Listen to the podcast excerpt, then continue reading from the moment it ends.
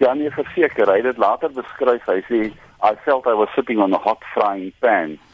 Ehm um, hier het 'n mense man wat wat 'n uh, redelike middelvlak uh, offisier is. Hy sit baie naby in Moskou soos jy gesê het in 'n in 'n geheime uh, uh sentrum.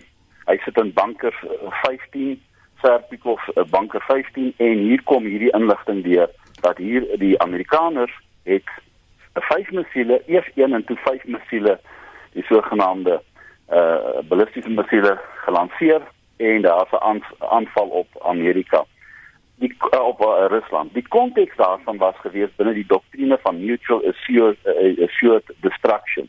So hy moes die knoppie gedruk het en dan sou daar onmiddellik 'n reaksie gewees het. Daar was te min tyd om die feite te verifieer. En um, net sy opleiding het hom hier gered. Onthou, die meeste van die persone wat daar gesit het en sy onder uh, sy ondergeskiktes was militêre offisiere gewees. Hy ook.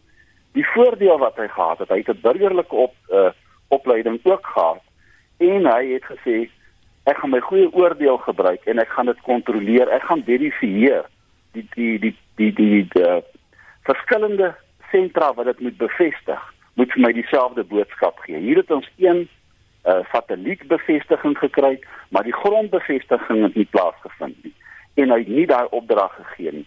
En dit was sy goeie oordeel wat kom ons kan aanvaar dat 23 dat hierdie datum 26 September was in 1983 was die naaste wat die wêreld nog aan 'n kernoorlog gekom het. Die, hoe dink jy sou die Russe gereageer het indien Stanislav Petrov wel alarm gemaak het?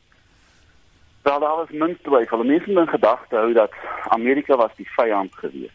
Daar was 'n klomp ehm um, uh, opleidingsprosesse wat in die plek was wat plaasgevind het wat dit moontlik sou gemaak het om onmiddellik te reageer. Ons moet in gedagte hou dat die Amerikaners het op daai stadium die Russe getoets, hulle kern uh, responstyd uh, getoets deur vliegtye te stuur, deur met hulle bote die uh, responstyd van die Russe te toets. En die Russe was op die punt van hulle stoele gewees op daai stadium. Daar was alle aanduidings gewees dat daar wel 'n kern ehm um, aanslag sal kom. Maar die die wat wat vir uh, Stanislav die voordeel gegee het. Hy het geweet, hy het een sentrale punt geweet. Hy het geweet dat dit sal 'n totale aanslag wees. Die Amerikaners sal nie kom met een missiel of met vyf missiele nie. Hulle sal met uh hulle die sogenaamde Pershing miss missiele gehad. En daar was 106 van hulle wat ontplooi was by naby aan Moskou. Uh, um, aan Rusland. En hulle sou met 'n totale aanslag gekom het. Maar hy het net vir homself gesê, daar is nie hierdie totale aanslag nie ek het nie die bevestiging van my grond uh, radar gehad nie en ek gaan dit uitstel. Is daar ingeboue inherente beheerstrukture om 'n onnadenkende kernoorlog te vermy? Die resete interessante uitdrukking wat hulle gebruik. Hulle sê dat dit vat lank om dit uh, hulle die russe vat lank om 'n perd op te saal, maar as hulle eers die perd opgesaal het, dan ry hulle baie vinnig. En daarmee bedoel hulle dat as 'n mens gaan kyk na hoe hulle optree, hulle wil graag verifikasie of of bevestiging hê van dit wat gebeur het. Nou in hierdie geval sou daar nie genoeg tyd gewees het vir bevestiging.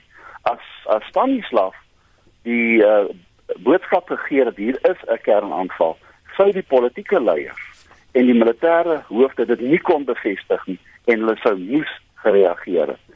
So dit maak dit baie moeilik. Daar is nie die, die sogenaamde rooi knoppie of die rooi knop uh, wat gedruk kan word om dit te bevestig om om 'n aanval te loods sou waarskynlik gedruk gewees het as dit nie vir uh, Stanislav gewees het. Nou Petrov is nooit deur die Russe vereer nie, maar wel deur die San Francisco gebaseerde Association of World Citizens en in Januarie 2006 is hy ook in die VN in New York vereer.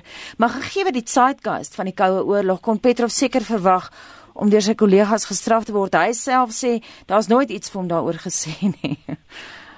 Nee, nee, inteendeel wat gebeur het, sy hy sou waarskynlik in vergeetlikheid verdwyn het. Was dit nie vir Yuri Butensev nie? Yuri Butensev was sy bevelvoerder geweest, sy direkte hoof geweest. En die het later in sy biografie het hulle het hy geskryf dat uh Stanislav hierdie bydrae gelewer het. Was dit nie daarvoor nie, dan was uh um Stanislav uh, Petrov 'n uh, uh, non-entity gewees. Ons het in gedagte dat Juliet in gedagte uh, uh, het het gereken dat ehm um, Stanislav behoort 'n toekenning te kry. Mm. Maar toe kry ons die die die die, die, die, die opvolg daarvan dat dit sou beteken dat die hoofde, die militêre hoofde sou sleg gelyk en hulle het besluit om daai toekenning terug te trek en hy is herontplooi na 'n minder belangrike uh, afdeling in 'n jaar later het, het hy afgetree.